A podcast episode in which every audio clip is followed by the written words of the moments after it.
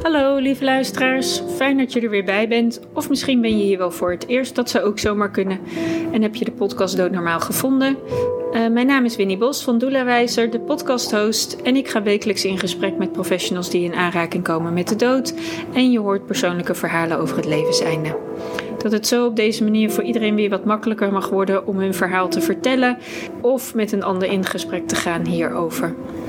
Mocht je deze serie waarderen, dan zou ik het super tof vinden als je een review of een beoordeling achterlaat op de podcastkanalen of op mijn website. En heb je mensen in je omgeving die behoefte hebben aan deze gesprekken?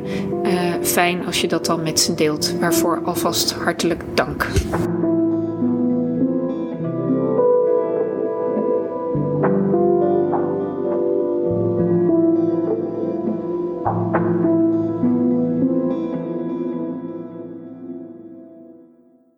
Zit vandaag aan tafel met. Radboud Spruit. Ja, fijn. Leuk. Uh, dat je hier naartoe wilde komen naar het Amersfoortse. Uh, ik ken jou van heel lang geleden, uh, toen ik nog in de uitvaartwereld werkte. en de keuze is reuze zoals die vandaag is met de kisten nog niet zo was. en jij eigenlijk hele mooie, bijzondere dingen maakte. dus mensen die in de uitvaartwereld werken en dit horen, die kennen jou daarvan. Gaan we het heel even over hebben. Want jij doet ook hele mooie andere dingen, zoals de sociale uitvaart en de zelfuitvaart. Maar daarover even later meer. Um, kan je nog eens even iets zeggen over jouw werk als, als kistenmaker? Ja, ik ben dus. Uh, dat is nog steeds mijn uh, fulltime yeah. baan, zeg maar, hè, yeah. kisten maken. Dat doe ik dag in dag uit. En ooit overleed mijn moeder jaren 80, begin jaren 80. En ik vond de kist toen heel erg lelijk. En toen ontstond, het is natuurlijk een heel lang verhaal, maar ik hou het nu heel kort. Mm -hmm. uh, toen uh, ontstond bij mij het idee van uh, waarom hebben we zulke lelijke kisten? Waarom geen mooie? Ik ga voor mezelf een andere kist maken. Een kist die mooi is, die aantrekt als je hem ziet. Mm -hmm. Dat je erop afkomt en dat hij niet afstoot. Mm. Dat was in die tijd heel raar om zo'n idee te hebben. Dus ik vertelde dat aan niemand. Maar uh, zo begin jaren negentig, toen dacht ik van... Nou, Radboud, je moet toch eens aan zo'n kist beginnen. Dus daar ben ik aan begonnen. En vanaf het eerste moment dat ik eraan begon, toen dacht ik van... Wow, dit is wat ik moet gaan doen in mijn leven. Hmm. Zo is het ontstaan. Dus ik ben toen gewoon kisten gaan maken. En de, de, de start was... Kijk, de uitvaartwereld zag er toen heel, uh, heel anders uit. Dus toen ik mijn kist klaar had, heb ik heel lang over gedaan. Toen dacht ik uh, van... Uh, ik, ik ga deze kist verkopen, want ik moet kisten maken worden. Dus ik ben maar een uitvaartondernemer gaan bellen. Nou, de eerste dag gewoon dat hij een gek aan de lijn had. En de tweede ook, totdat ik iemand aan de lijn had die gewoon interessant. Internet was er toen nog niet. Nee. He, dus dat was, uh, je moest gewoon gaan bellen yes. met, een vast, met een vaste lijn. en, Bijna uh, niet meer te bedenken, niet we die meer tijd voor hadden. te stellen. Nee. En, uh, maar ja, zodoende heb ik ooit via een uitvaartondernemer mijn eerste, eerste kist verkocht. En die heeft mij ook wel veel over de uitvaartwereld uitgelegd. En toen ging het eigenlijk een beetje via via, dus heel erg langzaam. Het heeft echt jaren geduurd voordat ik echt gewoon... Uh, uh, kon leven van mijn kisten. Ik denk wel vijf jaar of zo. Dus in het begin deed ik aan andere dingen naast, gewoon voor, voor de inkomsten. Maar ik ben heel fanatiek. Dus ik bleef me echt helemaal focussen op die kisten. En zodra ik daar iets meer mee verdiende, dan deed ik het andere weer iets minder. Dus de eerste jaren heb ik ook echt op bijstandsniveau uh, geleefd. Maar ik ben nooit meer gestopt tot op de dag van vandaag. Nee. Dus dat is mijn ja, mooi. beroep geworden. Ja, ja. mooi. En ik weet ook nog, um, en dat is waarom ik jou nog steeds kan herinneren, dat in, in die tijd, en dan praten we ergens, uh, ik ben in 2004 in de uitvaartwereld gaan werken, dat toen ik uh, in aanraking kwam met kindersterfte of met babysterfte, was er toen de tijd ook niet heel erg veel. Uh, dat was denk ik wel in opkomst, maar er was gewoon niet zo heel veel bijzonders. Um, en dat veel ouders dan kwamen met jouw naam, omdat jij kistjes maakte met van die vlinders, vlindersluitingen. Ja. En daar waren echt heel veel mensen van gecharmeerd. Ja. Ja, dat, dat was een kistje in de vorm van een wiegje. Ja. En die werd gesloten met uh, kleine houten vlindertjes. Ja, precies. Op, op, op een schroef. Ja. ja, daar heb ik er echt waanzinnig veel van, van gemaakt. Het liep eigenlijk helemaal uit de hand. En uh, die is later nog een keer... Uh, zelfs door een, uh, in samenwerking met mij hoor, door een fabriek gemaakt. Mm. De Bogra, ken je wel? Oh ja, ja zeker. Ja. ja. Dus dat was mij echt, toen ben ik eventjes ik ben geen commercieel iemand. nee, ik heb niks tegen hoor, maar in ieder geval daar ben ik gewoon niet. Dus toen ben ik even, uh, omdat, uh, ja, ik kreeg zo, ik kon het gewoon niet meer aan.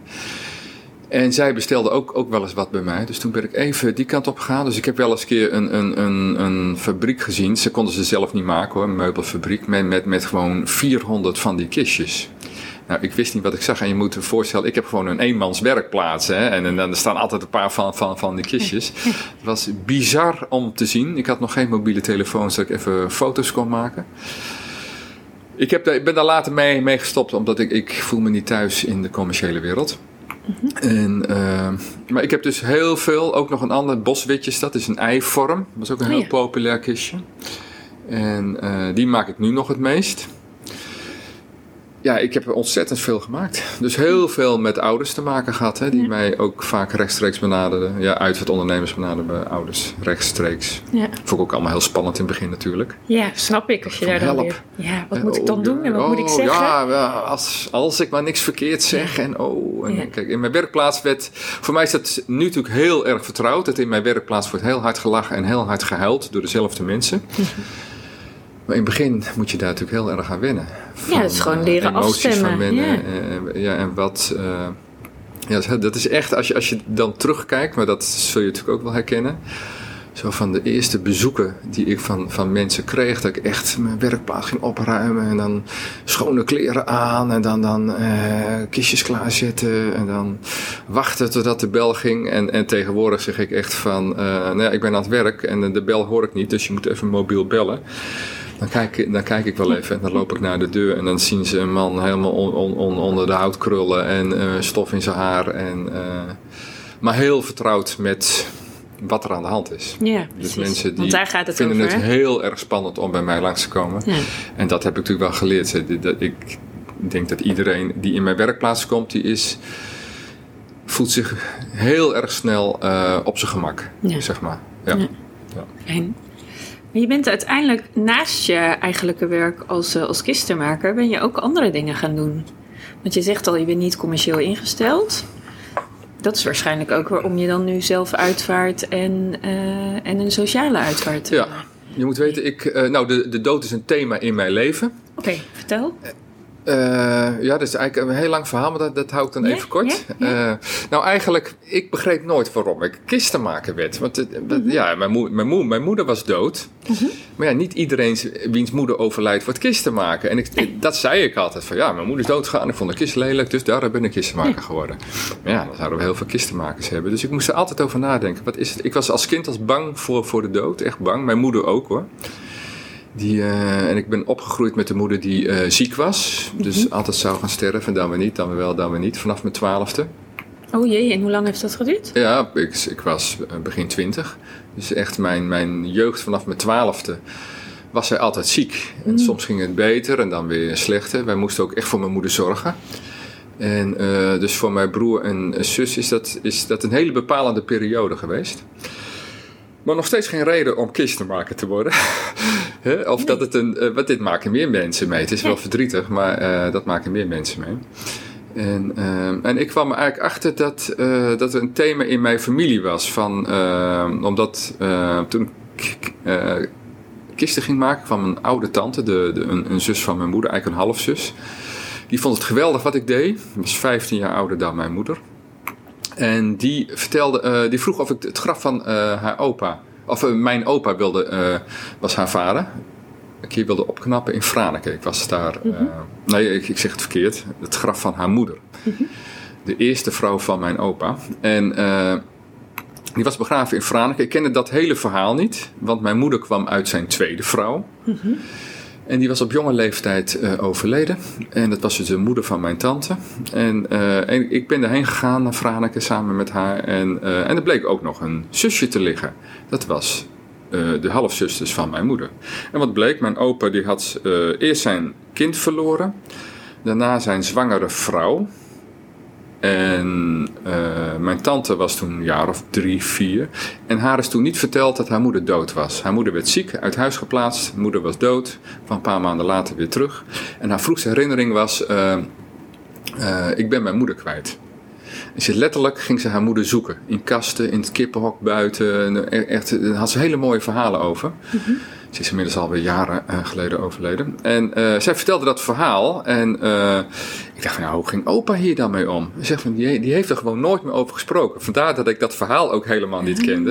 En mijn, van mijn moeder heb ik dit verhaal ook no nooit gehoord. En ik begreep wel dat het een thema in onze familie was geworden. Vandaar dat mijn moeder zo, ook zo eigenlijk raar met de dood omging. En ook wel misschien wel die angst had.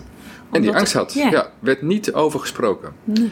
Mijn moeder wilde er ook niet over spreken. Op laatst was wel duidelijk dat ze doodging, maar ze, ze wou het daar niet over hebben. Ze wou gewoon leven, punt. het was een ontzettend leuke iemand, maar uh, dat is best lastig als iemand daar niet over wil praten. Nou ja, uh, en, en wat je wel zegt, vind ik ook wel heel mooi dat je het benoemt. Uh, wat de impact is van het feit dat er dus niet gezegd wordt dat iemand dood is. En wat het dan voor invloed heeft op een, op een kind. Maar dat er dus ook een, een, een kindje is overleden. Ja. En dat er eigenlijk gewoon, die wordt eigenlijk doodgezwegen. Ja. Maar dat gaat natuurlijk generatie En de moeder was zwanger ook, was ja. hoogzwanger. Dat, dus ze, waren, ze liggen eigenlijk met z'n drieën. Ja. Dus een meisje van, uh, die was ook iets van twee of drie. Ja. En dan dus de, uh, de eerste vrouw van mijn opa, die hoogzwanger was. Het kindje hadden ze nog geprobeerd te redden. Was ook niet, was, dat was in ieder geval niet gelukt. Dus eigenlijk lagen ze daar met, met z'n drieën. Dus ik ging er sindsdien elk jaar heen. Dus we stonden altijd aan het graf om over hun te praten. En gewoon, hoe, hoe is het voor opa geweest? Hoe heeft het gevoeld? Hoe is hij doorgegaan met, met zijn leven? Ik praat over 1923, hè? Dat het allemaal was gebeurd. Wij zijn altijd daarmee, uh, elk jaar ging ik heen om het graf uh, met die oude tante van mij, die was 90. En, maar die altijd van hoe zou ze eruit zien. En, uh, ik zei ja, dat ligt aan de grond of ze er nog is. En wilt u hier begraven worden? Nee, ik wil dicht bij jullie in Utrecht. Nee, nee. Ze is altijd alleen gebleven. Ze heeft nooit een relatie gehad. Dus hij zat een keer bij mij in de auto en toen, uh, nu ga ik toch het verhaal vertellen. Nou, dat geeft hem niks. Ze zat een keer bij mij in de auto en, uh, en toen zeg ik, ik, het hield mij altijd bezig. Ik zeg, tante Jo, als wij nog een keer naar Franeker gaan, dan heb ik een idee. Ik neem een kist mee, we gaan uw moeder opgraven. We gaan kijken of ze daar nog ligt, hoe ze eruit ziet. We nemen haar mee naar Utrecht en we gaan haar begraven in een graf waar u later komt. Dus als u dood bent, wordt u toch nog herenigd met uw moeder. En u kunt haar even zien. Wat vindt u daarvan? Nou, je moet voorstellen, mijn tante was echt een dametje mm-hmm. van 90. Ik nam haar, uh, haar hele vrienden, ze had heel veel vrienden, gingen allemaal dood natuurlijk. Dus ik, nam haar, ik was altijd haar chauffeur voor alle uitvaarten door het hele land. En uh, dus zij viel helemaal stil. En zei, Radboud, kan dat? Ik zeg, nou ja, waarom niet? Ja, het is niet iets alledaags, maar het kan wel. Ja, maar dat wil ik. Ik zeg, nou, dan ga ik dat regelen. Dus dat zijn we gaan doen. En, zei, en ik wil daar wel bij zijn. Ik zeg, nou, dat, is, dat moet ik diplomatiek gaan aanpakken, want dat de gemiddelde uh, begraafplaatsbeheerder die wil dat niet. Ja. En, uh, maar ja, ik ken die wereld goed, dus dan, uh, dat is me allemaal gelukt. Dus we hebben haar opgegraven. En het mooie was, we hebben echt de kist gevonden. Echt gewoon. Oh, echt? Ja, we echt, die beheerder zei van, ja, ik weet niet wat we vinden. Dus hij was zelf ook verbaasd. Het was een eikenhouten kist, vermolmd. Je kon de planken opentrekken en er lag gewoon een skelet in. Dus er lag oh, echt gewoon echt nog iemand in. En een skelet is dan uh, bruin en met aarde overal. Maar echt gewoon nog een heel mooi gebit had ze. Botten liggen los. Ik had een hele mooie kist gemaakt. Ik had al... Uh, ik had wel een grote kist gemaakt. Ik dacht van, ja, voor mijn tante. Want we zouden ook een echte uitvaart gaan houden, want daar was ze nooit bij geweest. Mm -hmm. en ik had uh, dus een matras gevuld met stro gemaakt, dat die botten wat we zouden vinden zacht zou, zou, zouden liggen. En, uh, dus ik heb wel de kist bij dat graf neergezet. Die beheerder stond in het graf. Die gaf bot voor bot aan. En wij bouwden met de botten haar moeder gewoon weer op. Mm. Haar zusje hebben we ook gevonden. Oh, echt? Ja, maar echt heel weinig. Dus een stukje schedel. Maar die beheerder was heel erg goed. Ten eerste was een heel prettig mens. Mm -hmm. En hij had heel veel verstand van botten. Dus toen wij ook die botten aan, aan het neerleggen hadden, kwam hij weer uit het graf. Zegt hij, nee, nee, nee, die moet daar liggen. En die, die, die, die, moet daar. was heel erg leuk. Dus we hebben echt uh, nou, haar weer helemaal opgebouwd. We hebben haar meegenomen naar Utrecht. Ik heb, een, uh, ik heb haar gewoon bewaard in mijn werkplaats. En, uh, en toen, ja, wel binnen, of na een week ongeveer, op een mooie dag... een echte uitvaart gehouden. Gewoon in een kapelletje van de begraafplaats met een pastoor erbij. Mm. En uh, mijn broer, mijn zus, ik, mijn dochter, mijn tante. En we hebben daar een echte uitvaart gehouden, een katholieke uitvaart. Ja. En hoe vond je tante dat dan? Want is ze, is ze uiteindelijk bij dat opgraven aanwezig geweest? Ja, fantastisch. Nou, het leuke is, zij wilde nooit dode mensen zien. Dus ik, ging met haar, ik ben met haar naar heel veel uitvaarten geweest. En soms was er nog zo'n condoleance bij. En was de kist open. En dan schrok ze. Ze nou, Rappot, kijk jij maar even hoor. En dan vroeg ze wel, hoe zag hij eruit? Ze nou, heel mooi. Je kunt gerust even kijken. Nee, nee, nee. Dus ik had er al. het was echt heel bizar. En ik vond het ook spannend. Ik vond het zelf ook spannend om het graf open te maken. En ik voelde letterlijk en figuurlijk dat ik in mijn verleden aan het graven was. Maar ook voor mijn tante natuurlijk doe ik daar wel goed aan. het, ik, ik, ik, het is een thema van haar. En ik, en ik tegen mijn broer nog zeggen vraag aan haar of ze dit wel echt wil. Hè? Dat ik niet gewoon. Uh, misschien ben ik te veel met mijn eigen thema bezig. Mhm. En dat gaat dan ten koste van haar. En nee, ze bleef volhouden. Dus het was echt bizar. Van, uh, we hadden broodjes meegenomen. Hè? Het heeft lang geduurd hoor, zo'n opgraving. Die man nam alle tijd. Dat was ook heel mooi. En uh, ja, en het was bizar zoals zij reageerde. Gewoon heel mooi. Ook gewoon, ze vond het hartstikke interessant. En uh, we hebben haar dus meegenomen, met z'n tweeën daar weer, uh, gewoon in die bus, gewoon van mij, van Franeker weer terug naar Utrecht. Uh, ik woonde toen in, Ut in Overvecht in Utrecht. Toen heb ik nog bij haar huis nog even de kist opengemaakt, dat ze de moeder weer even kon zien. Mm.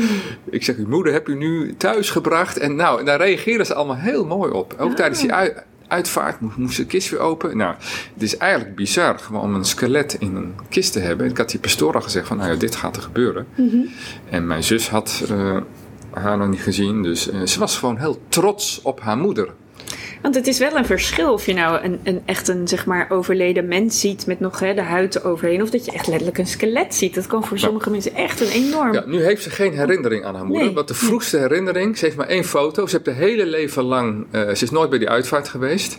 Ze heeft haar hele leven lang, of haar hele leven lang, vanaf een bepaalde leeftijd kreeg ze het bidprintje hmm. van de kerkdienst. En die heeft ze tot aan haar dood uh, in haar portemonnee gehad.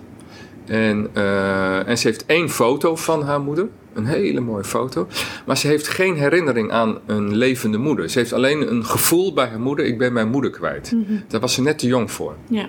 Dus ze heeft geen beelden van dat haar moeder ooit leefde. Ze heeft die foto. En uh, dus daar heb ik natuurlijk ook wel over gehad. Hè? Dat, wat, dat, ja, ik zeg maar, misschien vinden we maar heel weinig, misschien zelfs niks. Ja, ja. Ja, want dat is altijd maar de vraag. Hè? Als je iets wat al zo lang onder de grond ligt gaat opgraven. Ja, Nou, die beheerder zei, nou, hij zegt een, een, een bordje vind ik wel. En ik zei van, nou, weet je, we, we, gaan er, we houden zelfs rekening mee dat, dat we niks vinden. Mm Hè? Zo van, dit is het risico wat, wat we nemen, maar we vinden fijn dat het kan. Maar dat werd geweldig. En, en, voor mij was toen, uh, daarvoor weet ik dat het een thema was, voor mij was toen eigenlijk alles klaar. Mm. En uh, zeker na die uitvaart die we hadden gedaan. En toen dacht ik van, uh, maar wat zal ik? Zal ik doorgaan met mijn kisten? Mm -hmm. Maar dat ben ik wel gaan doen. Ja, ja maar toen waren het, ja. ja. En toen ontstonden er dus nieuwe dingen bij mij van, oh, maar ik wil meer gaan doen hierin. En uh, dus ik uh, ben kisten blijven maken. Ik, je moet weten, voordat ik kisten maakte, uh, ik heb heel veel beroepen gehad omdat ik nooit wist wat ik wilde worden. Mm -hmm. dus tot mijn, uh, nou, hoe oud was ik toen? Ik doe echt, zeg maar, toen ik fulltime ging werken met, met mijn kisten, hè, daar was ik, hoe oud was ik toen? 40. Mm -hmm. Ja, was ik 40. Ik ben nu 61. En en de daarvoor wel jaren bezig geweest, maar zeg maar parttime. Hè? Ja. En, uh, maar ik heb uh, met uh, dak- en thuislozen gewerkt, de laatste baan. Heel, heel veel beroepen gehad hoor, maar dat was echt, eh, dat vond ik heel boeiend. Op straat gewerkt. En, ik ben pionier van een, wat nu een hele grote stichting in Utrecht is, is de Tussenvoorziening. Maar die hebben, zijn we met een aantal mensen gestart. En begeleid wonen projecten zijn dat voor daklozen. Dus ik ken de wereld van de daklozen heel erg goed. Ja. En ik kwam. Uh, ik ben met verschillende daklozen bevriend gebleven. Die kwamen nog wel eens in mijn werkplaats koffie, koffie drinken. En mijn werkplaats zit in het centrum van Utrecht. Dus dan, nou ja, daar lopen veel daklozen. En, uh, en ik zag, ik was er wel eens eentje kwijt. En soms kwam ik te laat achter dat hij dan dood was. Hm.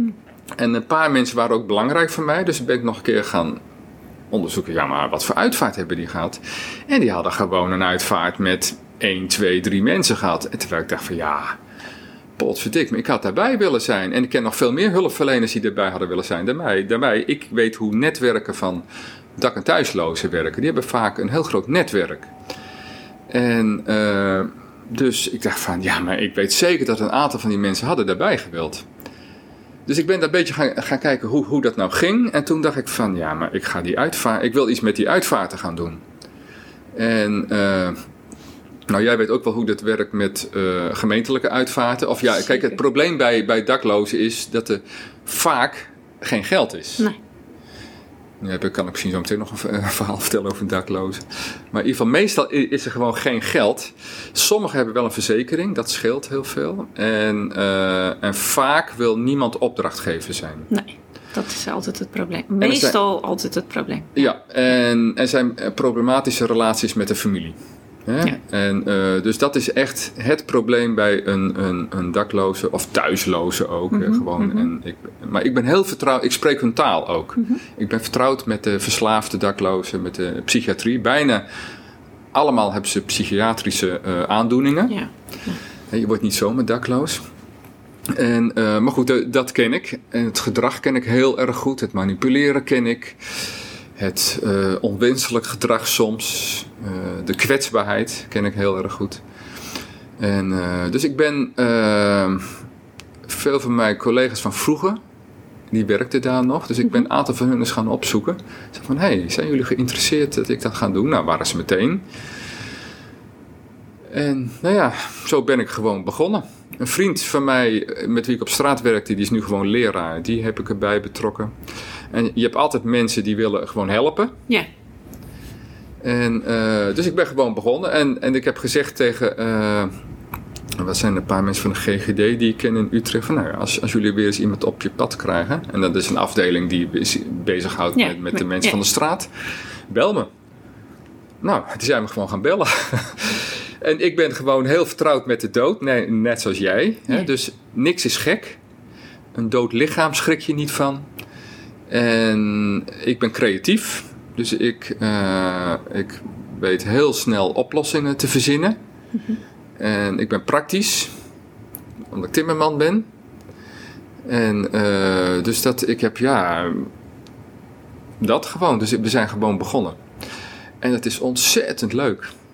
En, uh, en dat zijn echte uitvaarten. Gewoon voor heel weinig geld. Ja, onze uitvaarten kosten Zeg maar gewoon. Uh, kijk, ik vraag altijd eerst van. Uh, uh, wat is het budget? Mm -hmm. En daar praat ik heel open over. Hè? Mm -hmm. Niet om zoveel mogelijk, mogelijk nee, geld, nee. geld, te verdienen. Mm -hmm. Maar oké, okay, wat is het budget? En dat benoem ik soms. Soms heb ik ook wel met nabestaanden te maken. Dus die denken, oh joh, dan heb je weer zo'n uitvaartondernemer. Die gaat gewoon ons een poot uittrekken. Of weet ik wat. Dus ik praat er altijd heel open over. En dan is het, zeg, zeg even wat er. Kijk, sommige uh, kosten, daar kom je niet onderuit. Hè? Die moeten betaald worden. Ja, een kijk, graf of een crematie, dat zijn kosten. Ja, ja, een begrafenis heb ik nog nooit gehad. Oh, een graf okay. is in Utrecht en omstreken te duur. Ah. Ja, het okay. zijn altijd crematies. Okay.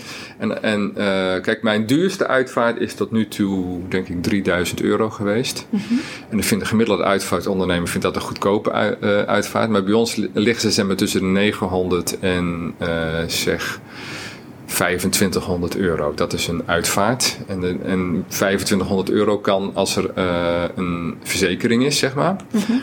Een gemeentelijke uitvaarten hebben wij heel weinig, omdat. Uh, nou, hoe het uh, werkt met gemeentelijke uitvaarten. Jij weet het, denk ik. Mm -hmm. Maar in ieder geval, ik, ik leg het even uit. Ja, van, heel graag, heel graag. Voor mensen die dat niet weten.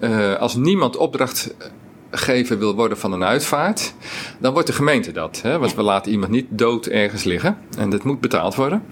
Dus dat doet de gemeente. En de, uh, eigenlijk de afspraak in Nederland is, dat doet de gemeente waar de persoon is overleden. Maar de meeste gemeentes, die hebben daar een eigen uitvaartondernemer voor. Dus als je zeg maar gewoon, ik kom uit Utrecht. Nou, Utrecht is op heel veel uh, uh, vlakken, ook met dak- en thuislozen, is dat een hele aparte gemeente. Een hele sociale gemeente is dat. Met vluchtelingen is dat, met dak- en thuislozen is dat. Ik heb ook veel met vluchtelingen gewerkt. En, uh, maar dus ook met, uh, zeg maar van, als je uh, net buiten Utrecht zit, Nieuwegein. Ik heb wel eens een dakloze gehad, die, een echte dakloze van Utrecht. Die had een ongeluk, maar bijna dood, opgehaald in Nieuwegein aangekomen ziekenhuis dood. En dat werd de gemeentelijke uitvaart van Nieuwegein. Nou, die hebben een uitvaartondernemer daar, ik ga geen namen noemen, maar in ieder geval uh, de gemeente bepaalt haar. Die bepaalde ook van, er mag alleen maar familie bij. Maar dat was een Portugese man. Mm die kende heel veel daklozen in Utrecht. Er mocht niemand bij. Nou, in Utrecht zal dat nooit gebeuren. En mhm. Utrecht zegt van, een gemeentelijke uitvaart mag elke uitvaartondernemer doen bij ons. We hebben geen eigen uitvaartondernemer. En dan krijg je 2700 euro. Maar die heb ik maar heel soms. Omdat ik altijd wel een opdrachtgever heb. En, uh, en de opdrachtgever is dan, soms zijn we dat zelf.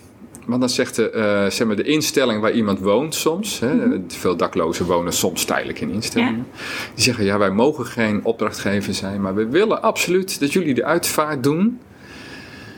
En dan wordt mijn collega's hebben even opdracht geven. En dan vraag ik, oké, is er een budget? En dan hebben ze wel potjes. Uh, En dan hebben ze nog 1500 euro. Of zeggen, oh, nou, daar kunnen we makkelijk een uitvaart voor doen. En dan, uh... Ja, en wat ik nog wel goed vind om aan te vullen is... als er een gemeentelijke uitvaart wordt gedaan... dan is het vaak tenminste zo, ik weet niet hoe de, of dat ondertussen veranderd is, is het vaak dus vanuit de sociale dienst hè, die dat uh, ja, klopt. doet. Ja. Maar als zij dan opdrachtgever zijn, gaan ze na de uitvaart ook altijd op zoek naar of ze nog nabestaanden kunnen ja, vinden. Dat is waar. Ze mogen uh, het bedrag, mogen ze verhalen, verhalen op de uh, ouders op de kinderen van de overledene, de partner. Ja. Niet de broers en zussen, dat denken mensen wel eens, mm die hoeven nooit bang te zijn. Ja, maar de meeste gemeentes doen het niet. En kom je, kijk, Utrecht doet, die doet dat gewoon niet. Maar dit is een sociale gemeente. En sommige gemeentes doen het wel. En dat mag alleen maar de gemeente mag dat doen. Ja. andere mensen mogen dat, dat niet, niet doen, dat klopt, ja. En, uh, maar ik weet uit ervaring, ja, zeker uh, vaak is er heel veel aan de hand in families. Hè? En dan. Uh, maar het is wel waar wat je zegt. En de gemeente heeft daar een vast bedrag voor. Hè. Ze mogen niet uitpakken met een uitvaart. Nee, en het moet zeggen, allemaal minimaal. Ja. ja en, het noodzakelijke. Ja, en Utrecht geeft dat toch. Uh, maar dat, daarvoor ook de meeste gemeentes. Ik denk hier in Amersfoort ook hoor. Uh, dat die een eigen uitvaartondernemer heeft die die uitvaarten doet. Wat Utrecht wel heeft, wel weer een eigen uitvaartondernemer. Zeg maar, dat zijn de. Uh, hoe heet, heet, dat? Hoe noemen ze die? De, de eenzame uitvaarten. Ja. Als iemand zeg maar, met niemand contact, alleen in huis. Ja, dan wordt de, de politie wordt gebeld. En dan, nou, die hebben een uit, grote uitvaartonderneming in Utrecht. Die bellen ze en die uitvaarten komen dan, omdat er geen opdrachtgever komt, wordt door de gemeente betaald. Die komt bij die uh, uitvaartondernemer. Ja, die komen nooit bij mij. En bij mij komen ze eigenlijk alleen maar via uh, Leger des Heils. Uh, nou, in Utrecht heb je de GG, GGD, je hebt de tussenvoorziening, die mij kennen. Mhm. en, en die weten hoe wij werken. En wij, het verschil is denk ik wat Bart is mijn collega zeg maar, van, van vroeger. En nu doen we dus samen deze uitvaarten. Wat wij doen is uh, alle betrokkenen erbij betrekken. Dus het... Ja, want wat, wat ik wel mooi vind in wat je zegt, is dat er eigenlijk. Uh, dat is een beetje wat in mij opkomt nu ik jou het verhaal hoor vertellen. Is dat eigenlijk iedereen recht heeft op afscheid nemen. Want iedereen komt uit een netwerk. Ja. En het feit dat iemand dak- of thuisloos is, of hoe we dat dan ook noemen, maakt echt geen bal uit. Die heeft ook net zoveel recht ja, om afscheid te nemen van iemand als ieder ander in deze wereld. Ja, voor mij zijn die mensen ook echt heel erg gelijkwaardig. Ja, maar die, en, uh, ja, die, hebben, die, die, die bouwen op elkaar in dat netwerk. Ja, wat ze nee, hebben. Want zonder netwerken. elkaar konden ze, nee, kunnen ze niet. Nee. Ze hebben de eenzame uh, uitvaarten van mensen die alleen, uh, waar we over lezen vaak. Hè, want mm -hmm. vaak kennen we die mensen helemaal. Die wonen in een flat, drie ja. hoog achter. Niemand, die ligt al drie, drie maanden dood in huis. Natuurlijk heel verdrietig. En, maar de daklozen, als, als wij die zien op straat, die hebben grote netwerken. En uh, dat zijn geen makkelijke netwerken. Hè? Nee, Heel veel problemen zitten erin, en, ruzies, ja, uh, manipulatie. noem alles maar op. Hè? Ja, dus dat, dat, is, dat is echt. Chaos alom. Ja, maar wel op het moment dus dat iemand overleden is, of van, dan, dan zijn hun ook geraakt en verdrietig. Op dezelfde, exact dezelfde manier als normale, tussen aanhalingstekens, mensen. Maar goed, omdat ik in die wereld heb gewerkt, weet ik dat dat zo is.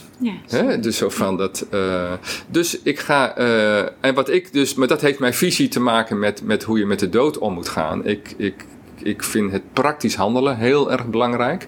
En ik vind het heel erg belangrijk uh, om iedereen erbij te betrekken. Maar dat heeft met mijn visie te maken. Zo van de, dat gebeurt natuurlijk steeds meer. Vroeger was het wel uh, van de uitvaartondernemer neemt alles uit handen, zeg maar. Hè? Oh, fijn, fijn. Nou, dan kan ik beginnen met rouwen, zeg maar. Hè? Dan kan ik op mijn stoel gaan zitten en dan hoef ik helemaal niks te doen. Te mixen. Nee, je gaat wel wat doen. Je gaat aangifte doen. Je moet meehelpen met verzorgen. Dat kan ik niet alleen.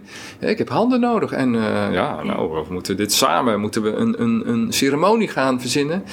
En, nou, en, en, die doet dit. En iedereen kan wel wat. Dat, is, en dat geldt dus voor daklozen ook. Ja. Maar dit is ook mooi om iedereen een rol te geven. Ja, dus mensen krijgen. En de een. Uh, nou, ja, het meest eenvoudige, zeg maar, nou, eenvoudig, voor sommige mensen is het helemaal niet eenvoudig, zeg maar, het dragen van de kist. Zo oh, van, ja, uh, wij dragen nooit zelf, dus dan moeten de, uh, dus de daklozen dragen de kist. Uh, dat soms van tevoren dat regelen, soms kan dat niet. En kijk, en ik herken meteen, nou dat ken je ook wel, sommige mensen schrikken zich rot als je dat vraagt. En, en anderen vinden het een eer. Die, nou, die, die kruipen bijna voor, maar ik wil dragen. Mm Nou, en al dat soort dingen, zo van, nou, een praatje houden. Uh, nou ja, het verzorgen van een overledene, dat, dat is heel wisselend. Dus afhankelijk van waar iemand komt te overlijden. Hè. Is iemand, uh, heeft hij wel een woning? Hè? Je hebt ook van die dakthuislozen die wel ergens al sinds kort een woning hebben. Nou, dan doen wij het. En, en, ik vraag wel altijd of mensen willen helpen. Maar als mensen helpen, zijn het eigenlijk, moet ik even terugdenken hoor. Vaak zijn het hulpverleners die het nog nooit hebben gedaan, maar dat wel mooi vinden om te mhm. doen. Mm -hmm. Uh, ik weet niet of je het met me eens bent, maar ik vind het verzorgen van een overledene is heel eenvoudig en iedereen kan dat.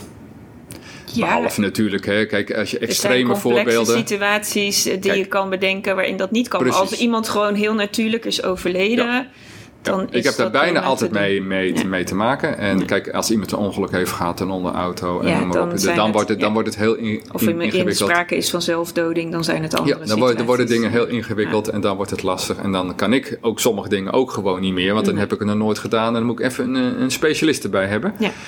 En, uh, maar normaal gesproken, en dat is, daar heb ik bijna altijd mee te maken hoor.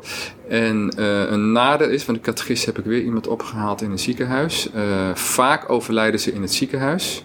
Het voordeel is wel dat ze de, de, de gewone verzorging is dan daar al gebeurd. En het nadeel voor ons is van, we zitten dan meteen met die mortuariumkosten. Ja, ja, ja. En, ja, ja, ja. en dat is voor, kijk, de gemiddelde mensen is dat helemaal niet veel. Maar voor een dakloze is dat heel erg veel. En voor ons budget is, is het echt een, meteen een grote hap eruit. Ja, want geef eens even voor de mensen die luisteren, wat kost een mortuarium in, uh, van een ziekenhuis? Ja, dus elk ziekenhuis is anders, door ja, het he hele ja. land. Ja. Maar in Utrecht is dat, uh, ik was gisteren in een ziekenhuis, was uh, 140 euro. En de nabestaanden zeiden: Goh, hij moet eigenlijk zo snel mogelijk daar weg. Want dat vonden ze, ze wilden dat, dat niet. Maar ja, ik, ik kon hem zondag ophalen, maar dan moest ik 240 euro betalen. Ja, omdat of 280. Omdat het, het een weekenddag ja. is. Ja. Nou, dus ik heb hem gisterochtend meteen opgehaald. En dan knijpen ze. Ik, ik moet die, die 140 euro moet ik betalen. Ik moest eigenlijk de volgende dag ook alweer betalen. Komt er 80 euro bij, maar dan knijpen ze even een oog, een, even oog, een oog dicht. Kijk, en 140 euro is voor de. En hoe komt dat? Omdat op het moment dat iemand dood is, dan vervalt jouw verzekering, zeg maar. Hè? Dan, op een dood wordt niks meer betaald. Dus je, nee, wordt dus je ziektekostenverzekering wordt betaald. Hè? Ja. Als je in een ziekenhuis ligt, wordt, ja. wordt je ziektekostenverzekering aangesproken. Ja. Tot het moment dat je sterft. Ja, en dan stopt en dan het meteen. houdt de ziektekostenverzekering op en dan kom je in. Uh... En ik zou willen dat dat stukje in het ziekenhuis althans nog even doorgaat. Gewoon even dat ritje van het bed waar iemand overlijdt, beneden naar de kelder, naar het mortuarium. Die komt, ja, wordt gewoon in de koeling gelegd. Ja. Dat zou ik heel fijn vinden, maar dat, uh, maar dat is vooral voor mijn dak- en, thuislo mm. dak- en thuislozen. Maar dus dan halen we iemand op en dan zoek ik een goedkope plek waar iemand heen kan. En, uh, en dan is, daarna is bij ons natuurlijk, net zoals alle uitvaarten, is heel erg afhankelijk van nabestaanden. Ja. Uh, en dan uh, het budget, maar ook nabestaanden wat, wat ja. ze willen. En hoe, hoe laat je dan, uh, de, want de mensen hebben een groot netwerk, dus laat je de mond op mond rondgaan wanneer de uitvaart is? Ja, de instellingen, wat ik doe is de instellingen krijgen het te horen. Mm -hmm. wij maken zeg maar, altijd een rouwkaart, gewoon een PDF. Doen we gewoon in Word. Hè? Doen we gewoon even. Kijk, nogmaals, het is altijd afhankelijk van. Soms zijn er uh, hulpverleners alleen maar bij, bij betrokken, omdat de familie niet in beeld is. Als er familie bij betrokken is, dan gaat de familie erover. Maar je hebt ook families die, die willen niks met ons te maken hebben, want wij horen bij de hulpverleners en die hebben een, haat-liefde verhouding met oh, hulpverleners. Met ja, die denken, oh, we willen niks met de hulpverleners te maken hebben. Nou, wij zijn geen hulpverleners, maar goed, dat maakt niet uit. Ik begrijp dat ook. Ik begrijp dat ook heel goed hoor. Dus dan hebben. Uh, ja, die gaan wel eens, dan, dan zie ik waar ze dan heen gaan. Denk ik, oh. Want vaak is daar ook geen geld. En dan, uh, maar goed, dat, dat, ik zeg wel altijd: nou, als je vragen hebt, mag je gewoon bellen, kost allemaal niks en uh, noem maar op. En, en andere daklozen heb je ook wel. Dat is altijd, kan heel erg boeiend interessant zijn, zeg maar, als er partners zijn die ook verslaafd zijn en zo. maar dan is dat wel de opdrachtgever. En dan gaan we echt met die overleggen. En dan, uh, dus dan, dan al, alles, dat maakt heel veel uit met wie je overlegt. Maar wel, uh, wat we standaard doen, is dan wel, behalve als mensen dat niet willen, een, een, een rouwkaart, pdfje. Ja, die gaan we rondappen mm. naar alle uh, hulpverleners. En dus dat gaat heel snel. En dan, dus ja, mensen weten het heel snel. En dan, uh, en dan en, zeg maar, als iemand wel een plek heeft waar hij woont, dan gaan we briefjes door uh, de, de, brievenbussen doen. Echt, echt dat hele. Eigenlijk een beetje in het ouderwets, wat vroeger ook. In, ja, eigenlijk heel oud. Gewoon, vroeger gebeurde hè, in de dorpen. Dan had je gewoon buurtgenoten die met elkaar in de briefjes, de, door de brievenbus de rouwkaart gingen steken. En dat werkt heel erg goed, want dat vergeten we soms. Want zeg maar, zo'n dakloze die ergens in een buurtje woont. Nou, iedereen kent hem vaak heeft hij best wel, niet altijd, maar best wel een beetje overlast veroorzaakt. Maar mensen hebben ook een beetje voor die persoon gezorgd. Ja. En, uh, en, dus, en wat je dus vaak ziet is, als zo, zo, iemand is dan opeens weg. Dat gebeurt wel vaker, dat ze zo iemand een tijdje kwijt zijn. En, dan, en vaak, dat heb ik zelfs ook al een aantal keer meegemaakt. Opeens hoor je van, oh ja, maar die is overleden. En dat is heel eh, heel vervelend. Ja. Dus die buren zijn altijd, eh, of zo'n buurtje altijd heel blij. En die komen, ja niet allemaal, maar die komen dan ook op de uitvaart. Dus hulpverleners komen uitvaart, daklozen komen op de uitvaart. En heb je dan zelf een rouwauto of zo waar je dan het vervoer in doet? Ja, ik heb ooit een keer een hele oude. Nou, je weet, je kan in elke auto voeren. Dus ik heb een hele ja, mooie. Ja, je, hebt je, uh, eigen, je kan je eigen auto gebruiken als Ik heb een hele mooie bestelbus. Oké. Okay. Voor mijn uh, kisten altijd. Dus mm -hmm. uh, doe ik altijd een overleg welk. Maar ik heb een hele oude klassieke Mercedes. Heb ik ooit voor een prikje gekocht. Uh, jaren geleden, omdat ik dat gewoon, toen deed ik nog helemaal geen uitvaarten. Maar vond ik gewoon heel leuk om zo'n oude auto te hebben. Een hele oude Mercedes is dat uit de jaren 70. En die gebruik ik eigenlijk voor, voor de dakloze uitvaarten. En dat zeg ik nooit. En dat, nou, dat vinden ze geweldig. Als we dan. Uh, want er is soms wel eens van. Ja, maar. Wat voor auto komt er dan? Zegt, er komt een hele mooie auto. Nou, zijn ze altijd heel trots op die auto. Dat is heel leuk. ja. ja. Mooi. Hij is wel heel oud, dus ik ben altijd heel spannend. Het is altijd heel of spannend. hij het wel doet? Of hij wel start, oh, of hij het wel doet. En dan, uh, maar tot nu toe, uh, ik heb wel pech gehad, maar altijd dan pas na de uitvaart. Oh ja, oh, gelukkig. ja. ja. Dus dat, uh, maar ik kan me voorstellen dat het ook wel voor de kring van degene die overleden is daaromheen... Hè, voor iedereen wat jij al eerder zei, iedereen heeft natuurlijk verdriet om het verlies. Ja. Hè, en zij op hun manier, net zoals dat ieder, ja, weet je, wat is een normaal mens? Ik bedoel, we hebben allemaal onze makker. Ja. Uh, maar zij hebben ook verdriet om het gemis van degene die in hun netwerk zat. Die toch in dat netwerk wat zal een betekenis he, uh, had. Ja, en wat ze zien is van uh, wat wij vaak horen, is dat wij beginnen soms ook wel met wantrouwen. Als wij binnenkomen, ik kom gewoon in normale kleding binnen. Mm -hmm. En dat, dit herkennen veel uitvaartondernemers wel. Hè? Dat je soms bij families komt, dan begint het met wantrouwen. Oh ja, die ken ik ook wel. Ja, hè? ja, ja. En, dat is, en, uh, en het wantrouwen uh, is bij ons is altijd van... Uh, nou, ik, ik kan dat heel snel tackelen. Zo van... ik, ik merk dat. En dus wat ik laat voelen aan mijn mensen is vooral van... dat ze totale regie krijgen over de uit uitvaart. Dus dat noem ik heel snel. Dat leg ik uit. Dat zij alles bepalen. Dat ze mij ook weer mogen wegsturen als ze mij niet aardig vinden. Dat het heel erg belangrijk is dat ze mij zeggen: hey, eh, je mag me gewoon wegsturen. En, en, en, ik zorg er wel voor dat er weer, weer iemand anders komt. Dat ze niet met lege handen staan. Ik maak ze niet bang.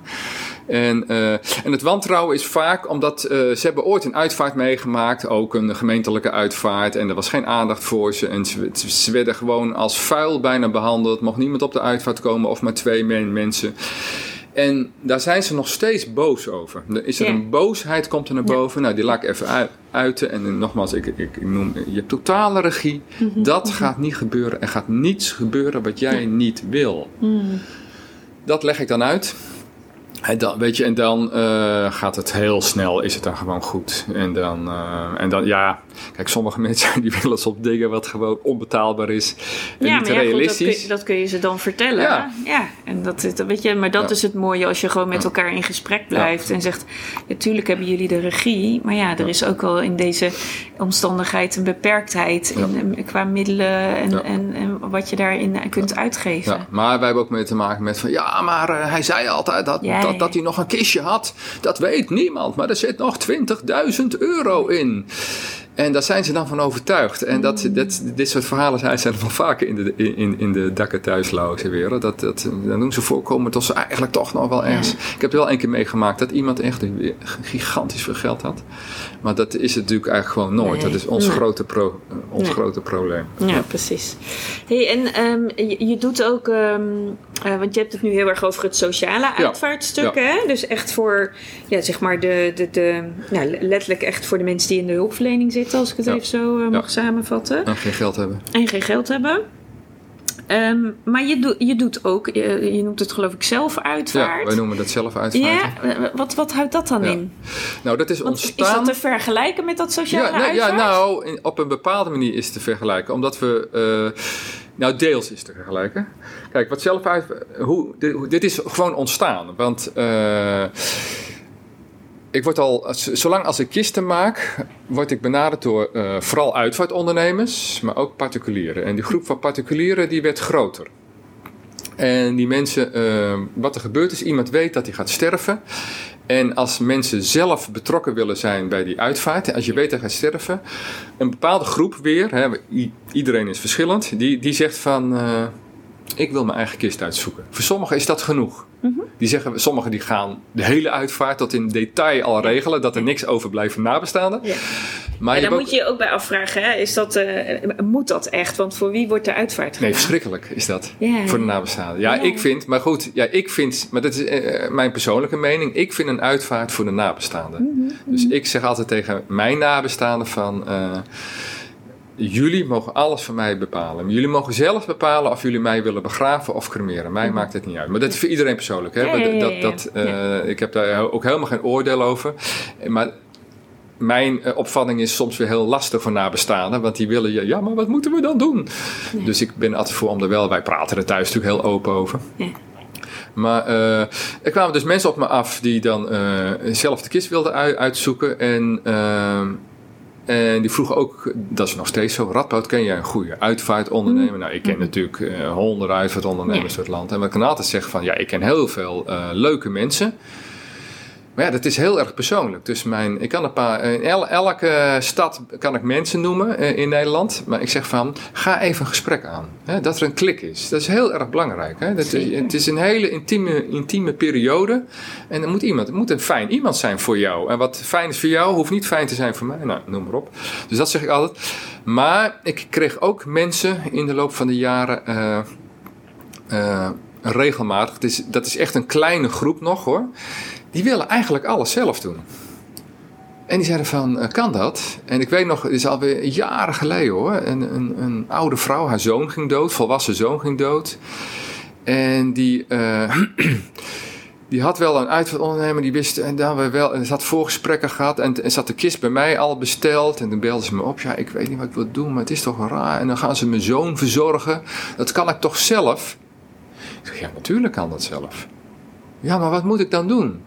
En ik heb haar gewoon door de telefoon uitgelegd hoe je dat doet. Ik zeg, is dat alles? Ik zeg, ja.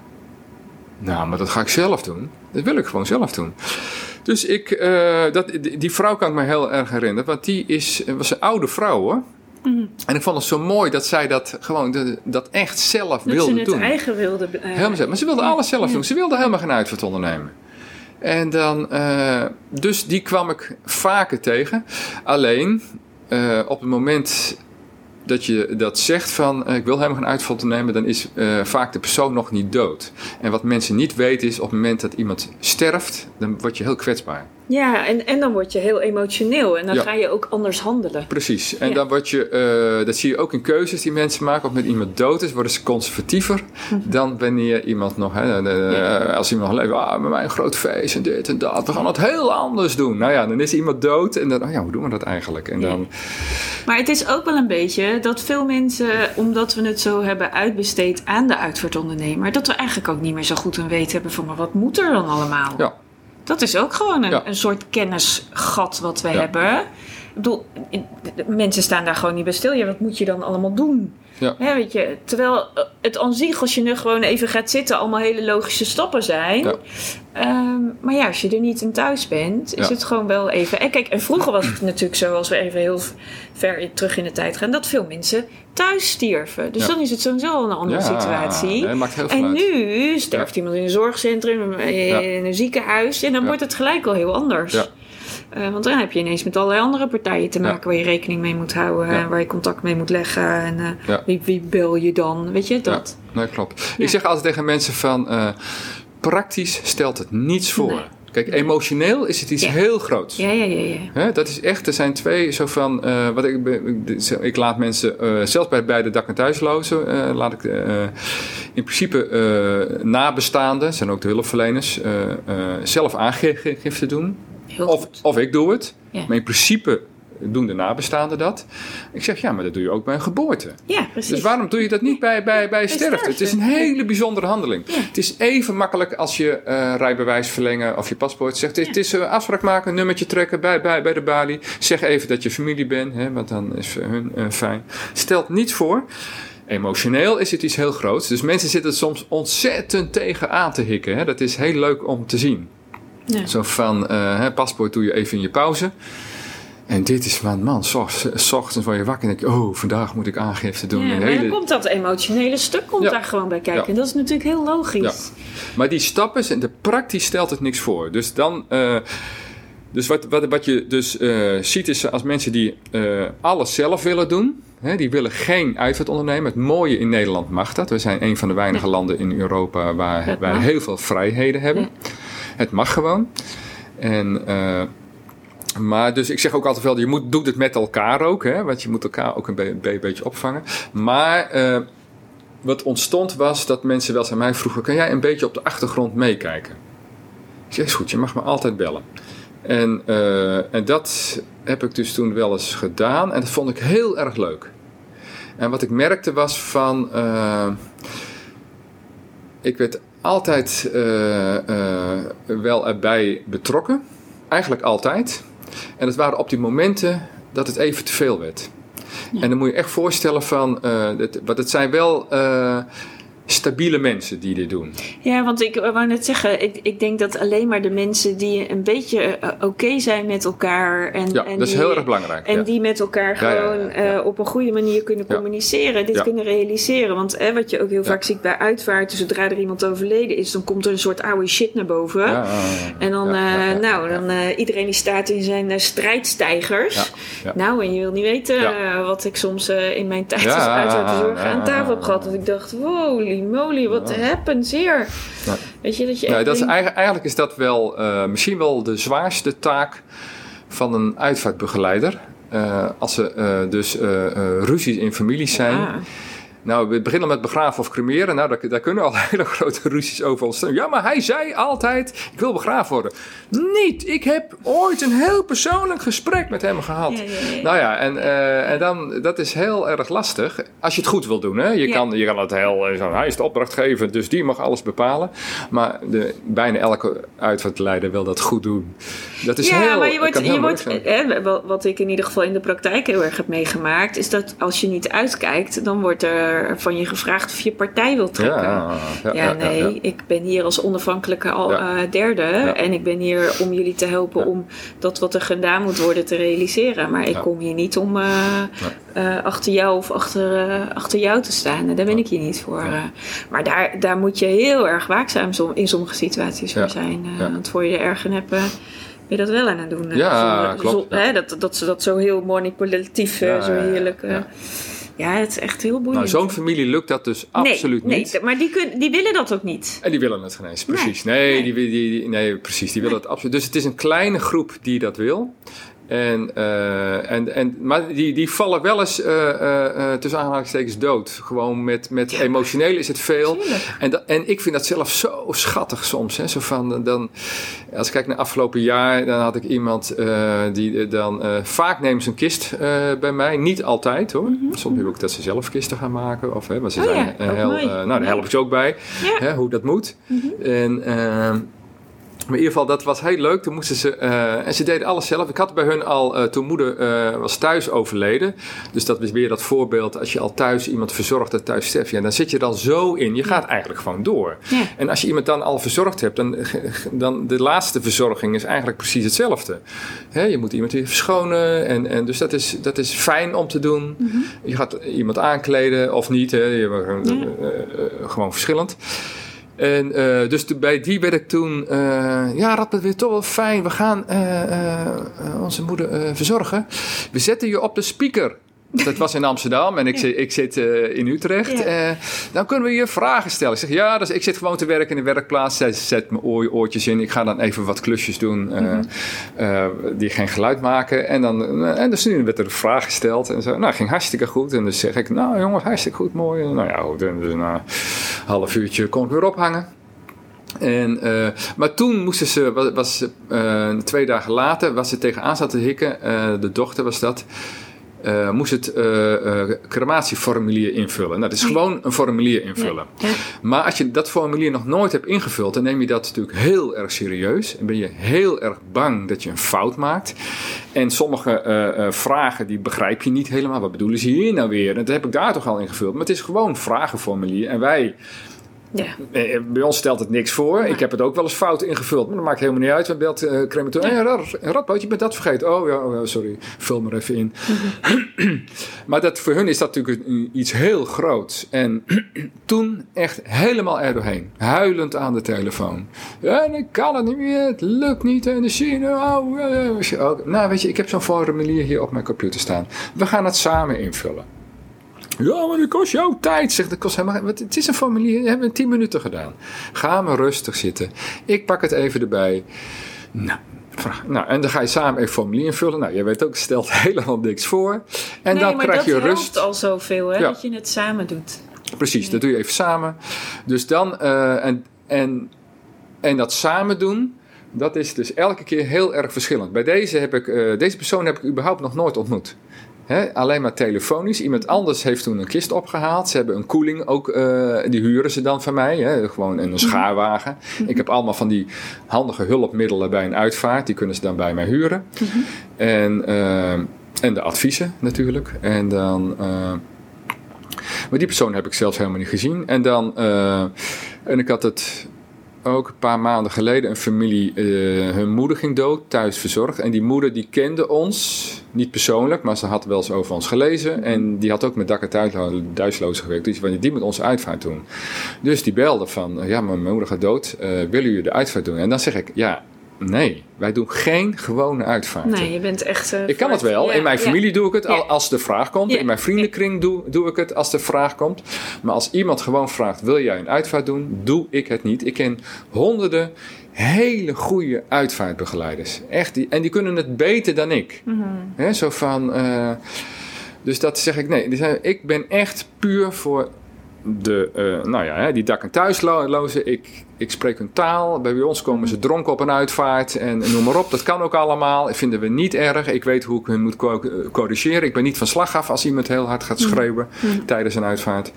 En, uh, en bij de uh, uh, doe het zelf uitvaarten, daar ligt ook mijn kracht. Dat ik mensen dingen kan laten doen waarvan ze dachten van dat ze dat niet konden. Ja.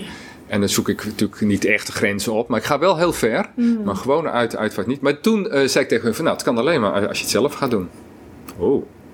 Zeiden ze toen. Ja, ja, hoe werkt dat dan? Dus ik legde uit. Oh, ja, ja. Ik zeg, maar ja, jongens, jullie gaan toch thuis verzorgen. Ze hadden echt zo'n zorgvriendenclubje. Ik zeg, ja, praktisch stelt het niks voor. Hè? Ik, kan het, eh, ik heb een lijstje sturen kunnen doen. Ik heb ook een pdf, een soort uh, handleiding. Een soort checklist of ja, zo. ja, checklist. Een soort handleiding van hoe doe je zelf een uitvaart. Nou, die mail mail ik hun dan.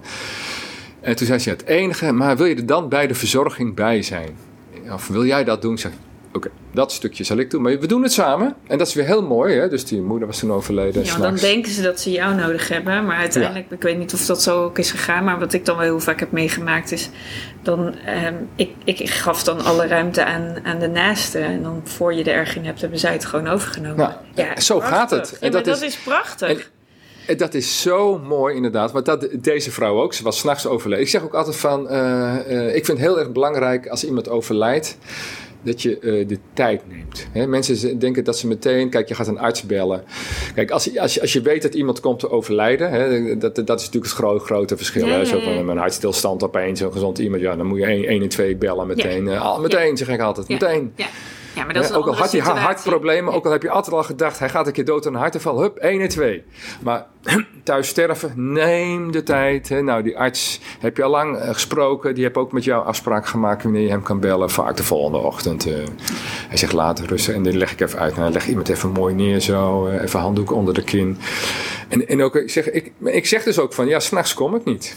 S'nachts kom ik niet. Ik zeg maar, neem alsjeblieft de tijd. Het is een heel bijzonder moment. Haal die mensen. Ik ben, niet, ik ben totaal niet belangrijk dan op dat moment. Nee, het de- is juist neem de tijd voor jezelf om erbij te zijn bij dat wat Precies. er is gebeurd. Ga En- er zitten. en ja. neem de rust Ja. om even tot je te nemen wat...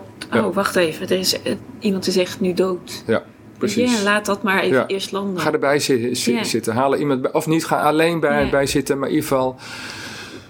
Zeg, het ergste is gebeurd. Erger kan, kan niet meer. Kan niks meer mis- misgaan. Want de persoon is toch al dood. Ja. Dus relax, rustig. En dan kan je mij, je mag me wel, als je mij toch wil appen, mag je me s'nachts appen. Maar ik kom niet. Nee. Ik zou wel komen hoor, als ze in paniek zijn. Maar in ieder geval, eh, dat is nog niet gebeurd. Nee. En, eh, en dan bellen ze en dan, dus, dan kom ik. En dat, de, over dat verzorgen, dan, eh, terwijl ja, ze hadden hun al weken ervoor. En dan is het opeens toch spannend, want iemand voelt toch iets anders aan, wordt al kouder en zo. En dan, en dan, en dan ik weet van, oké, wie gaat meehelpen? Nou, had ik, toen had ik geloof ik drie vrouwen. En, en dat pyjama aan. En dan, ik maak een begin. Maar ik weet, en, en zij staan, de, de, je kent het wel, een hele afwachtende houding. Ja, ja. Ik begin. Nou, en dan heb je die, pak meteen ook die. En ik hou meteen mijn hand los. maar dat hebben ze niet in de gaten. ik blijf erbij staan. En uiteindelijk doen ze het helemaal zelf. Ja, en dat is, ik geniet daar heel erg van. Ja, het is prachtig als je Ja. dat voor, voor met elkaar Ja. ook kunt doen. Ja, en dan zijn ze heel dankbaar daarna. En dan zeg ik van, hebben jullie opgelet? Jullie hebben alles, zelf, gedaan. ja, ja, mooi is dat, hè? Ja, en, en zo, dat geldt dus voor de hele uitvaart. Ja. En deze was het ook zo. En, de- en dat snap ik ook hoor. En dat doe ik dan wel. Eh, soms. Niet altijd. Eh, als ze vragen wel. Dan zeggen ze, ja, maar de dag van de uitvaart... vind het fijn als iemand gewoon toch een beetje ceremoniemeester is. En dan, dat doe ik dan ook. Ja. En dan ben ik aanwezig en dan ik let op de klok. Zo jongens, nu gaan we eh, hè, thuis. eh, hup, we gaan nu de kist eh, in de auto zetten. We moeten nu vertrekken. En, maar dat zijn natuurlijk, het zijn nooit gemiddelde uitvaarten. Geen rare hoor, maar gewoon dus dat eh, ik hoef dan ook niet zo heel veel te doen. Maar dan is het heel Dus fijn. even voor hun veiligheid en voor hun gemoedsrust dat je Dat. achter de hand bent. Ja, dat zijn niet meer. En, en nou, dat ken je ook. Er gebeuren altijd wel van die kleine dingetjes dat je even moet zeggen: Oh ja, hey, joh, kom hier even bij. Ja. Of iemand die weet dit niet. Of je moet iemand even. eh, Even, even bijsturen. ja, Ja. dat. En, dat eh, en dat vind ik ook leuk om te doen. Ja. Maar dus echt dat, maar de gewone taak van de uitvaartondernemer Uh, nou, maar het is ook mooi toch om te weten waar jouw scheidslijn ligt van tot hier en niet verder. Ja, dan bedoel, dat is dan ook gewoon Ja. heel helder. Ja. Weet je, en helemaal, want daar geloof ik sowieso in. Kijk, dat jij zegt ik kom s'nachts niet, maar je hebt al wel van tevoren contact met die mensen gehad. Dus je kunt van tevoren heel goed informeren hè, dat als er s'nachts iets gebeurt, dat het gewoon heel goed is om die tijd te nemen en dat er Ja. geen sprake van haast is. En weet je, dus als je het daar al met enige regelmaat met elkaar over hebt gehad, dan nemen mensen vaak ook niet meer snel die actie. eh, Nee. Want Nee. dan, dan hebben ze het al een paar keer tot zich genomen. Precies. Je moet het echt een aantal En ze keer zitten vertellen. ook echt met een andere mindset, zijn ze Ja. met dat sterven bezig. Ja. Ja. En dat maakt ook dat ze anders gaan handelen. Ondanks dat die emoties zeker een rol spelen. Maar dat maakt het echt wel anders. Ja. Eh, ja. Maar eigenlijk heb je dus gewoon een ongelooflijk divers eh, takenpakket voor jezelf gecreëerd rondom Geweldig. die dood. Ja, Heel erg leuk. Ja dus Ja. je maakt die kisten. Ja, ik ik, maak ik kisten. weet dat je, je hebt zelfs een podcast waarin je uitlegt hoe je een Ja. kist moet maken. Ja, ik werd zoveel gebeld door mensen. Steeds vaker hoor. Omdat uitvaartondernemers weten eh, dat eh, families... Dat kost ni- niks. Ze kunnen mij gewoon bellen. Ja, en sommigen beginnen ook... Ja, sorry hoor. Ik, bestel geen kist bij u. Maar ik, de uitvaartondernemer zegt Ja. dat ik u mag bellen. En, ja. Het zijn altijd hele handige mensen. Die zelf een kist willen ma- maken. Maar ook meubelmakers hoor. Die zijn misschien wel veel beter dan ik. Zeg maar, tech- zeg maar puur technisch gezien. En... eh, maar altijd op het moment dat ze beginnen, dan, dan worden ze eh, angstig. En het is vaak de bodem en de grepen. Ja, ja, ja, ja, dat ze dat goed hebben. Ja, Ook en wat mag wel, en, wat ja. mag niet. Ja, ik heb hele leuke dingen meegemaakt hoor. Ja. Echt gewoon een, een, een trappenfabriek met allemaal handige timmermannen. En, en een collega was verongelukt. Dat was natuurlijk een heel groot drama. En, en nou, dat we, wij gaan zijn kist maken en zo. En, nou, familie vond het fantastisch. En een van die, eh, eh, nou, waar ze in de fabriek waren ze bezig. En toen belde een van die trappenmannen. eh, die had de uitvaartondernemer gebeld van ja, ja, ja, we, we twijfelen nog een beetje.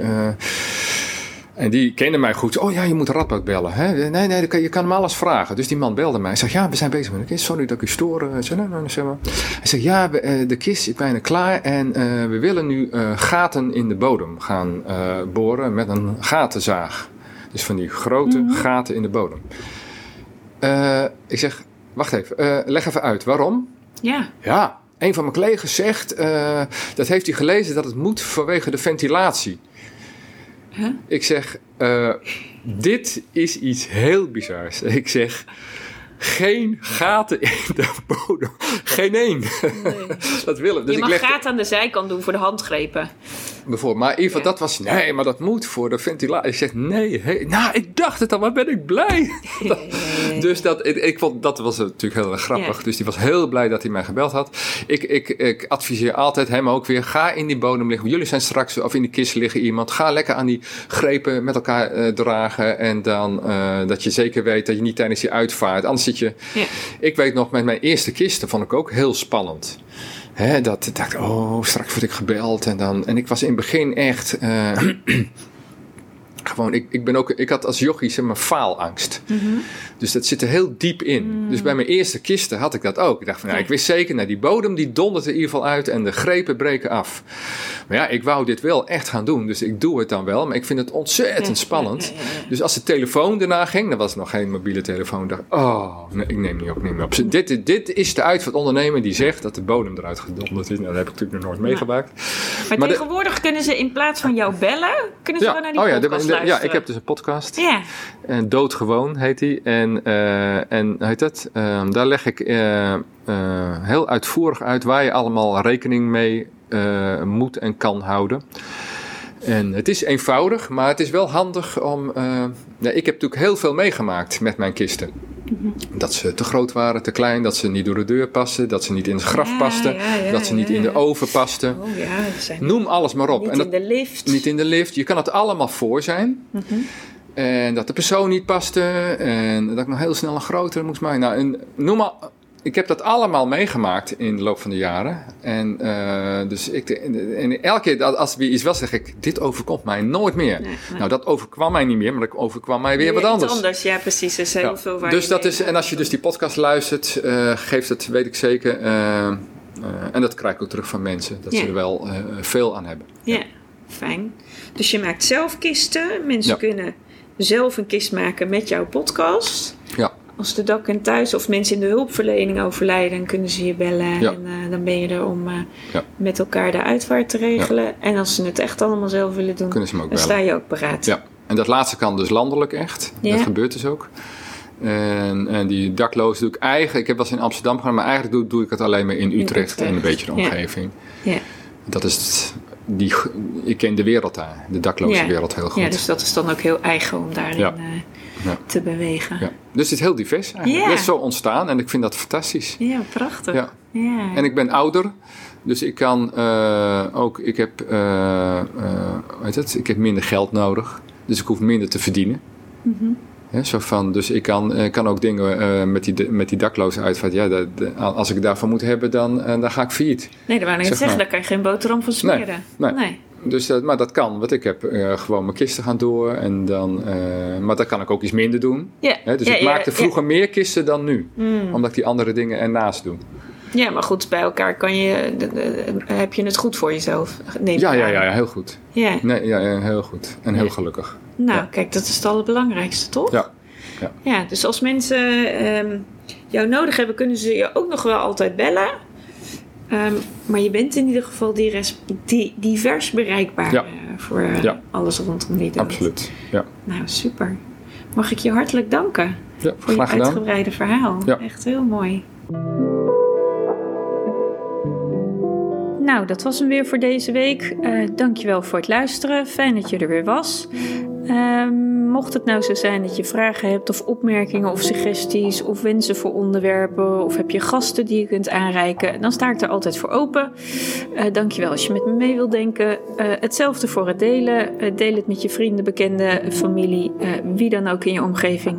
Want hoe meer de verhalen verspreiden, ehm, hoe beter het is. Mocht je het nou zo mooi vinden, de serie, dan is er ook een, eh, een Facebookpagina, de podcast Doodnormaal. Daar deel ik eh, achtergrondverhalen. En eh, voor nu, tot de volgende aflevering.